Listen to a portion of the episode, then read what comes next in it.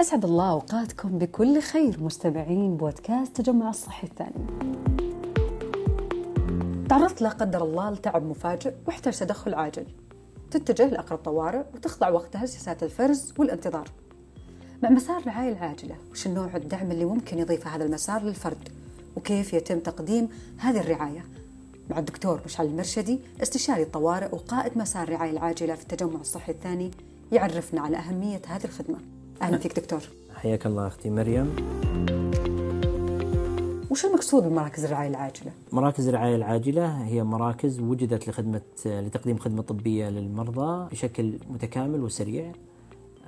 وقريب للمريض. طيب وش فرقها عن الطوارئ؟ زي ما ذكرتي بالمقدمة آه، طبعا الطوارئ عادة تعنى بحالات آه، متعددة فيها حالات عالية الخطورة وفيها حالات أقل خطورة وتتفاوت بعد مدة الانتظار على حسب خطورة الحالة.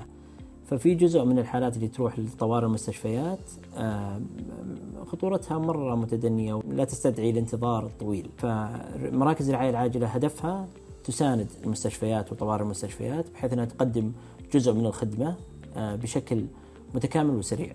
ففيها فائدة للمتلقي اللي هو المريض بحيث أنه يروح آه، لمكان بديل متكامل قريب. وللمستشفى وطوارئ المستشفيات بحيث إنها تركز على الحالات اللي فعلا تستدعي آه، طوارئ المستشفيات. وش الحالات دكتور اللي تعالجونها؟ مثال مثلا آه، الصداع الخفيف، آه، أزمات الربو البسيطة، الجروح القطعية البسيطة، الإصابات الطفيفة. عادة المريض يملك الحس بحيث إنه يعرف إنه إنه حالته فعلا خطيرة فيروح للمستشفى أو إنه حالته ما مرة خطيرة بس يبغى يشوف طبيب.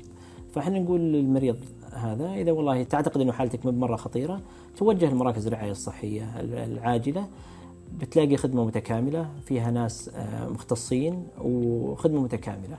طيب لو جاكم دكتور واحد حالته حرجة جاء للمركز فهالحاله أنتم إيش راح تقدمون له؟ طبعا إحنا الحمد لله العاملين بمراكز الرعاية آه، العاجلة عندهم القدرة المتكاملة على العناية بأي مريض حتى لو الحالة خطرة. بس الحالة الخطرة هدف المراكز هذه تقديم الخدمة الأولية وبعدها نقلها للمستشفيات كيف ننقلها للمستشفى عن طريق أحد المبادرات الثانية للرعاية العاجلة اللي هو مركز القيادة والتحكم لتسهيلها آه، اسمها مركز مثلا الربط الإسعافي فيتم الاتصال على الرقم الموحد للمبادرة هذه آه، ويجي فريق متكامل إسعافي يأخذون المريض من المركز الرعاية العاجلة ينقلونه إلى إلى المستشفى لتلقي الخدمة المتكاملة. طيب وين أماكنها دكتور؟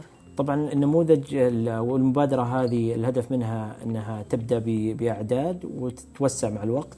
الآن عندنا مركزين متكاملات بالنمط والنسق اللي إحنا نبغاه فعندنا مركز المنار آه، هو جنب محمد مستشفى محمد الأمير محمد بن عبد العزيز ومستشفى اليمامة وعندنا مركز آه، صحي سليمانية جنب مدينة الملفات الطبية، الهدف القرب من المستشفيات لسهولة انتقال المرضى بين بين المستشفيات والمراكز الصحية. في المستقبل قاعدين نتوسع آه نوصل للمرضى بشكل أقرب بحيث نكون قريبين منهم وهذا إن شاء الله بالقريب ما راح يكون إن شاء الله بعيد. استشاري طب الطوارئ وقائد مسار الرعاية العاجلة بتجمع الصحي الثاني الدكتور مشعل المرشدي يعطيك العافية. شكرا لكم يعطيكم العافية.